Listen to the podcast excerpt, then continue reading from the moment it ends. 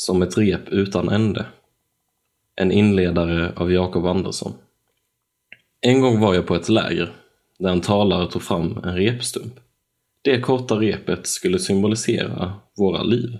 Födelse och död var ju lätt att placera ut i de två ändarna, men att placera ut övriga livshändelser var svårare. Ingen vet ju hur långt livet blir, och därmed kunde vi inte riktigt veta var vi befann oss på vår tidslinje. Det hela gjorde mig stressad. Tänk vilken stor betydelse allt har, tänkte jag. Ett misslyckat matteprov som ger lägre betyg, en knepig relation som tyngar ner mig, eller en missad chans att komma in i ett nytt kompisgäng. Allt det där kan ju faktiskt få konsekvenser som syns på mitt livs tidslinje. Men så knöt talaren ihop den lilla repstumpen med ett väldigt långt rep och sa att som kristna är det istället så här vi får se på saken. Det långa repet gick ut genom fönstret till höger i lokalen och från ett fönster till vänster kom det in ett likadant. Talaren menade att repet gick runt hela jordklotet, men att det var en dålig bild.